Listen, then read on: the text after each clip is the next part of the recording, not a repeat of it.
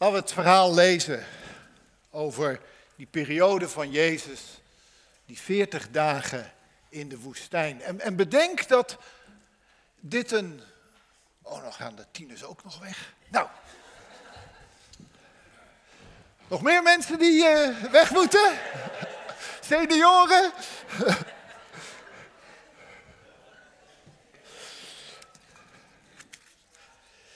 Goed. Bedenk dat dit verhaal, wat, wat, wat Jezus, of dat dit verhaal, dat vertelt ons Matthäus en Lucas ook. Maar het is een verhaal dat Jezus alleen heeft meegemaakt. Jezus zelf heeft dit gedeeld met zijn discipelen. Eigenlijk een soort getuigenis van Jezus. Want anders zouden we het niet weten. Al die andere dingen, dat zijn de observaties, wat de discipelen gehoord hebben. Maar dit is iets wat Jezus gedeeld heeft met zijn discipelen. En Matthäus die beschrijft dat dan voor ons, wat hij gehoord heeft. Daarna werd Jezus door de geest meegevoerd naar de woestijn. Om door de duivel op de proef gesteld te worden. Nadat hij veertig dagen en veertig nachten had gevast, had hij grote honger. En toen kwam de beproever naar hem en die zei, als u de zoon van God bent, beveel die stenen dan in broden te veranderen? Maar Jezus gaf hem ten antwoord, er staat geschreven, de mens leeft niet van brood alleen, maar van ieder woord dat klinkt uit de mond van God. Vervolgens nam de duivel hem mee naar de heilige stad, zette hem op het hoogste punt van de tempel en hij zei tegen hem, als u de zoon van God bent, spring dan naar beneden. Want er staat toch geschreven, zijn engelen zal u opdracht geven om u op hun handen te dragen, zodat u uw voet niet zult stoten aan een steen. Maar Jezus antwoordde, er staat ook geschreven, stel de Heer uw God niet op de proef. De duivel nam hem opnieuw mee, nu naar een zeer hoge berg. En hij toonde hem alle koninkrijken van de wereld in al hun pracht. En hij zei, dit zal ik, je alle, u, zal ik u allemaal geven. Als, als u zich voor mij neerwerpt en mij aanbidt. En daarop zei Jezus, ga weg Satan, want er staat geschreven, aanbid de Heer uw God Vereer Hem alleen. En daarna liet de duivel hem met rust.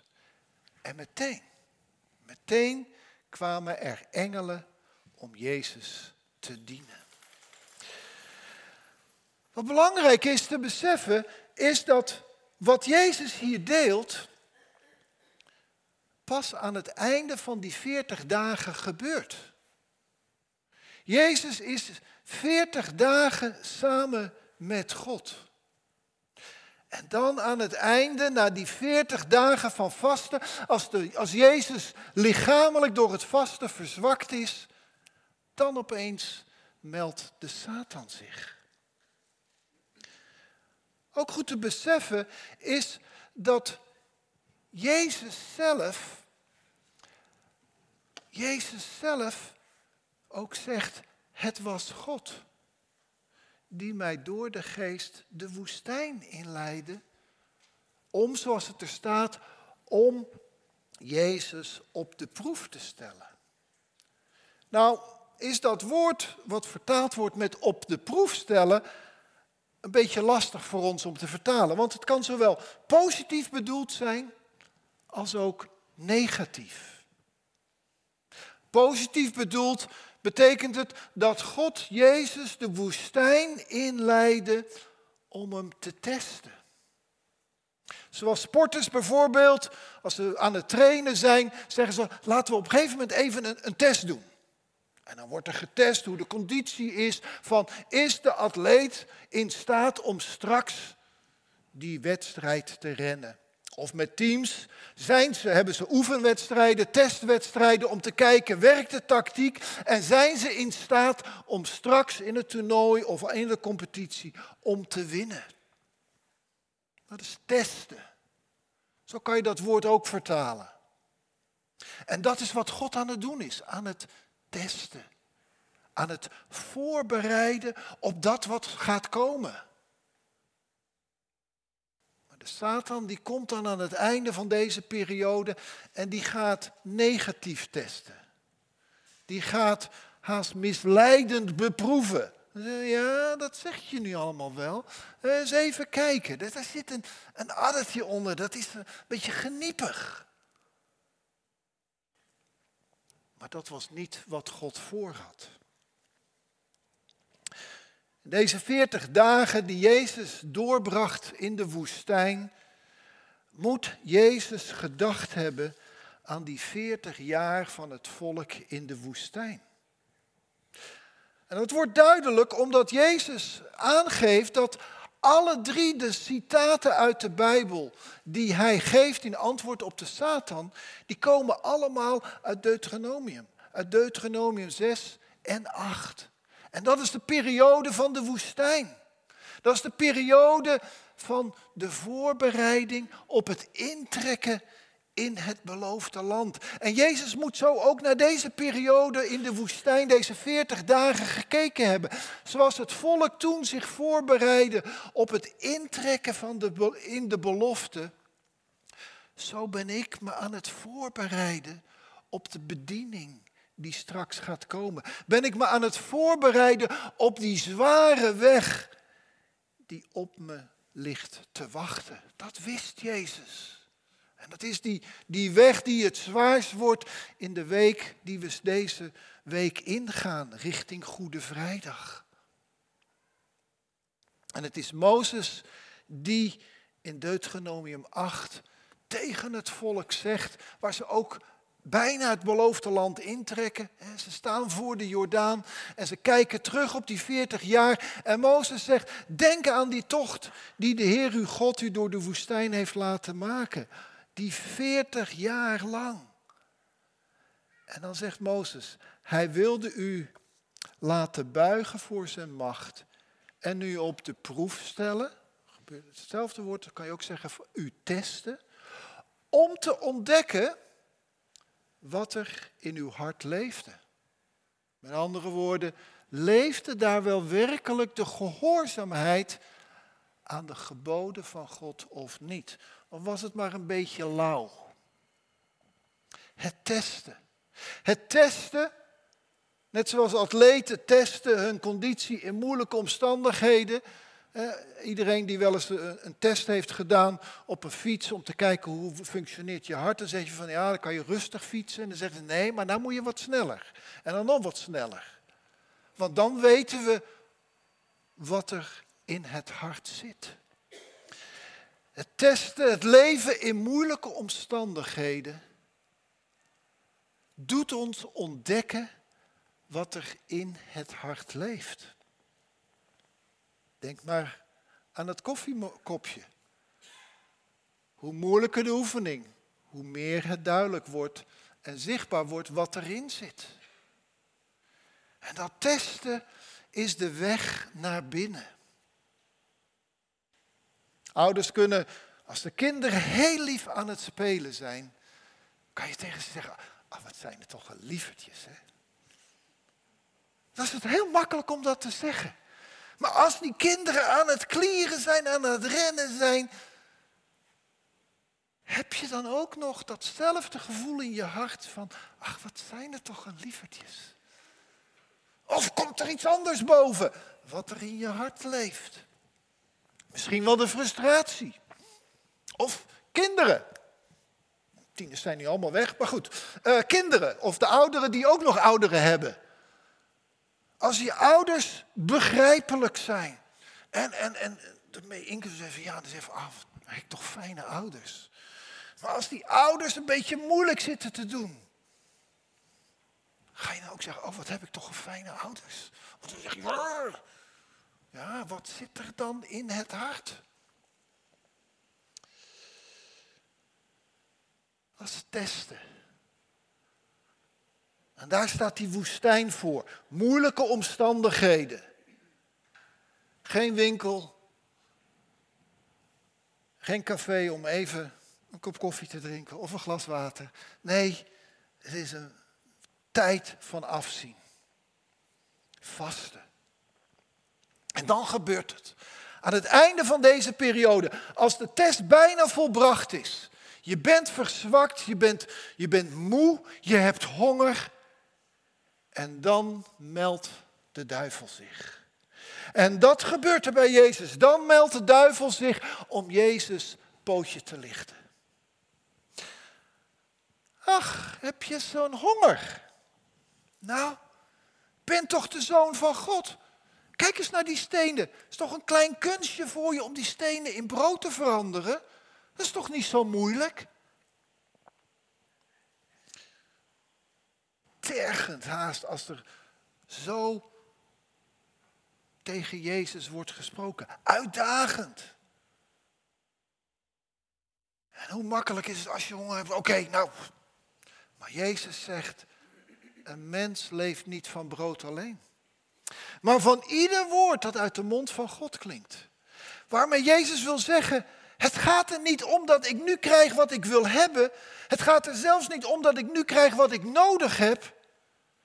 Het gaat er ook niet om dat ik even mijn positie en mijn kunstjes kan inzetten om te krijgen wat ik vind dat ik nu nodig heb. Of misschien wel waarvan ik denk dat ik na 40 dagen vasten dat nu wel verdiend heb. Het gaat er niet om dat ik mijn eigen weg ga. Denkend, maar daar heb ik nu echt wel recht op of dat heb ik verdiend. Nee, dat doe ik niet, Satan. Want er staat, een mens leeft van ieder woord dat uit de mond van God komt. Dus je schikt je in datgene wat God je schenkt voor de weg die je gaat.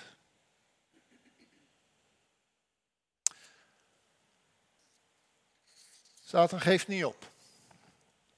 Hij zegt: Oké, jij weet met Bijbelteksten te gooien, dat kan ik ook. En Satan neemt hem dan mee naar de hoogste punt van de tempel. En hij citeert heel vroom Psalm 91. En dan zegt hij: Nou, spring dan. Want er staat toch in de psalmen dat Gods engelen je zullen opvangen.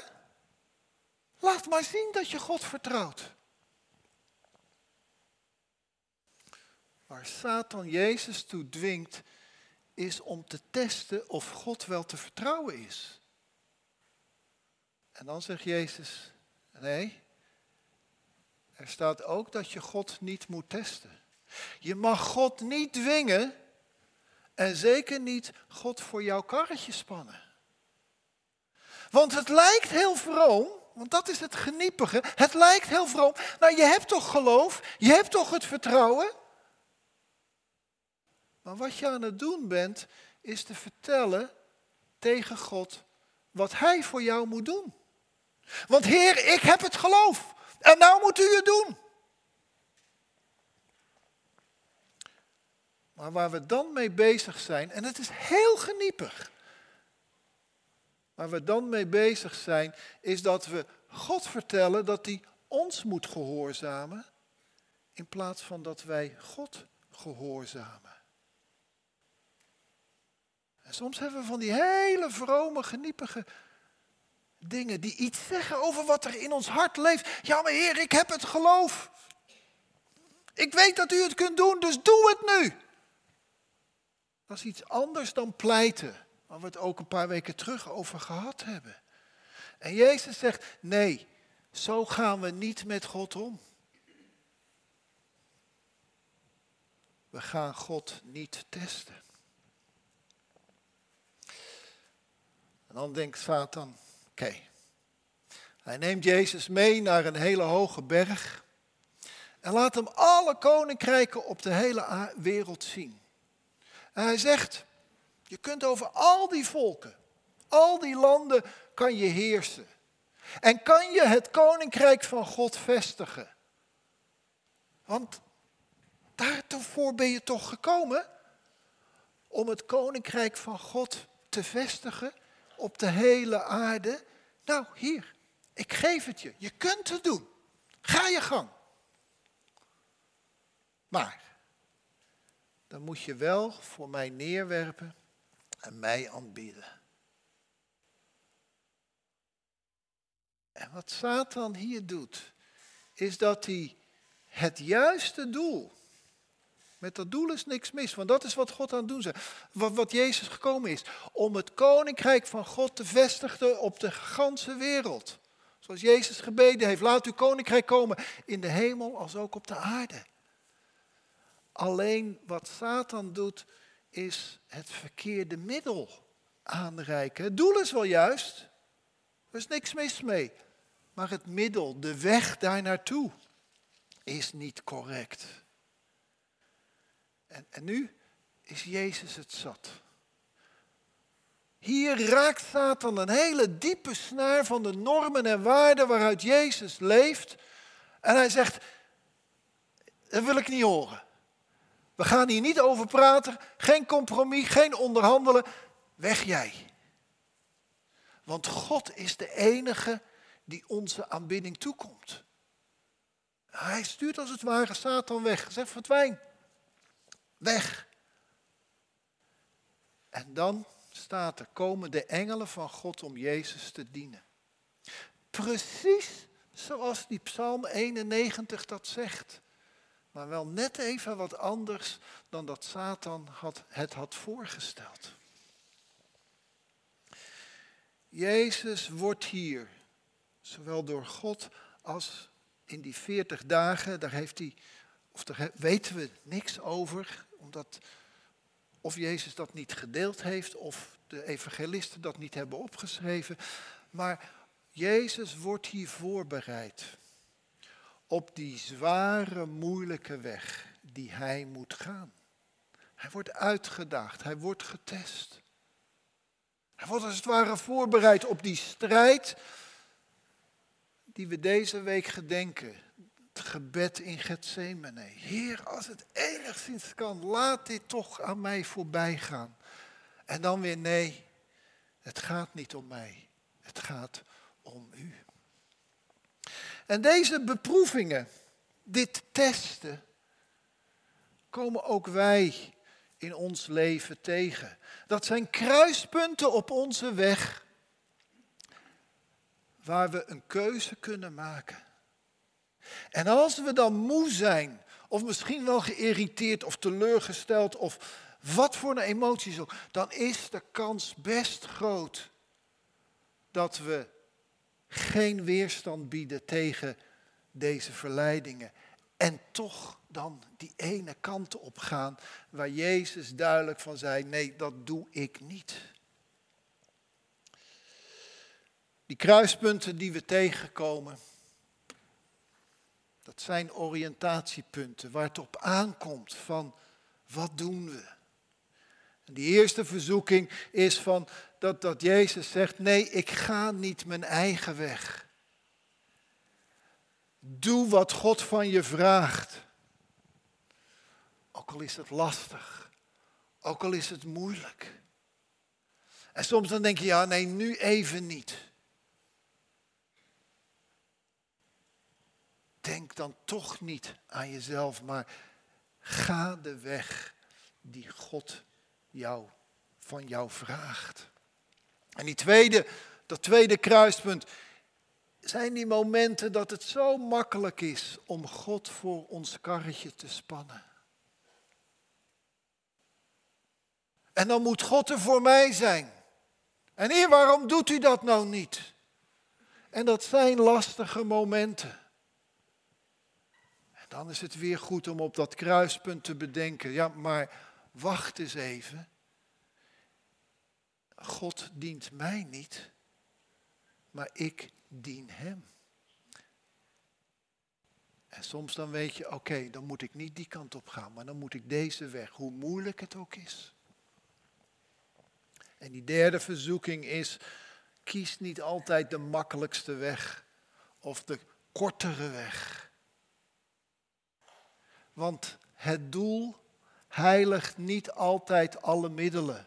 Met andere woorden, er zijn middelen die je niet moet gebruiken, wil je daaruit komen. Wil je bewerken dat er een gemeenschap van liefde is, dan is niet de weg van uitoefenen van macht of dwang het juiste middel. Want dan kom je daar niet. En soms is het duidelijk en soms moet je er echt even over strijden, want het is zo makkelijk om die afkorting te nemen en zeggen van ja, maar dan kom ik snel, komen we snel tot ons doel. Maar om die langere weg, die tweede mijl of, die twee, of de andere wang toe te keren om tot dat doel te komen, dat is moeilijk. Dat is lastig. Het komt steeds neer op die kruispunten in het leven. Als we het zwaar hebben, als er keuzes zijn, komt het steeds neer op deze ene vraag. Dien je God of dien je je eigen belang? Dien je God of moet God jouw belang dienen? En dat is een vraag, die kunnen we heel makkelijk zeggen. Oh ja, nee, maar wij zijn geroepen en daar zingen we van. Ik wil u dienen, ik wil u eren, ik wil mijn hele leven aan u geven. Ja, dat willen we. Maar als we op die kruispunten komen en het leven is moeilijk en de situaties zijn lastig. Denk dan weer aan dat koffiekopje. Dan gaan we echt heel vaak onderuit. En dan blijken die grootste woorden en die fijne woorden en die liederen die we gezongen hebben, blijken in die lastige momenten niets meer dan holle frazen. En dan kiezen we toch voor onszelf. Jezus die moedigt ons aan, zoals het ook in de Hebreeënbrief staat, die moedigt ons aan om door die moeilijkheden, door het lijden heen de gehoorzaamheid te leren. En Hebreeën zegt ook zelf, dat heeft Jezus ook moeten leren. Hij heeft de gehoorzaamheid door het lijden, door de moeilijkheden moeten leren. Maar heeft hij zich dat moeten eigen maken? Dat was het testen. En dus die moeilijkheden, waar het zo makkelijk is om als het lastig is om te gaan wijzen en allerlei omstandigheden of mensen de schuld te geven. Maar die moeilijkheden zijn een uitnodiging, een leerschool om de weg naar binnen te gaan. En te zeggen, oké, wat leeft er in mijn hart? Waarom reageer ik zo? Waarom ben ik hier zo geïrriteerd door? Waarom? Nou, vul het maar in. En dan kan je op die kruispunten heel makkelijk deze weg nemen. Maar om dan te zeggen, nee, ik ben geroepen om God te dienen en dit is de weg. Oké, het, is, het wordt een zware weg, maar dit is de weg. Het lukt ons niet altijd. Ook Hebreeën zegt, als het ons niet lukt, weet dan dat Jezus volledig begrip heeft voor ons. Want hij herkent dat. Hij weet hoe moeilijk dat is. Als je op die kruispunten staat. Omdat hij op zelfde wijze getest en beproefd is als wij. Met dit verschil. Waar wij vaak nog eens onderuit gaan, wist hij stand te houden. En Jezus heeft die weg afgelegd die wij in navolging van Hem proberen te volgen. En Hij moedigt ons aan om op die weg van gehoorzaamheid te gaan. En waar het niet lukt, en die momenten zijn er in ieders leven, weet dan dat er genade en vergeving is, omdat Jezus die moeilijke weg gegaan is en het wel heeft volgehouden als enige. Hij heeft het voor ons volbracht. Zoals het ook die woorden zijn die we op Goede Vrijdag weer zullen horen als Jezus aan het kruis hangt. En dan zegt, het is volbracht. Hij heeft het volbracht voor ons. Zodat wij weten waar het ons niet lukt. Ook al doen we ons best. Dat wij die genade en vergeving ontvangen, want Hij heeft het voor ons gedaan. En daarom krijgen wij weer een nieuwe kans. En als het faalt, is het niet, wordt het niet daardoor bepaald. Maar de almacht van God is zoveel groter. Omdat Jezus die weg voor ons volbracht heeft.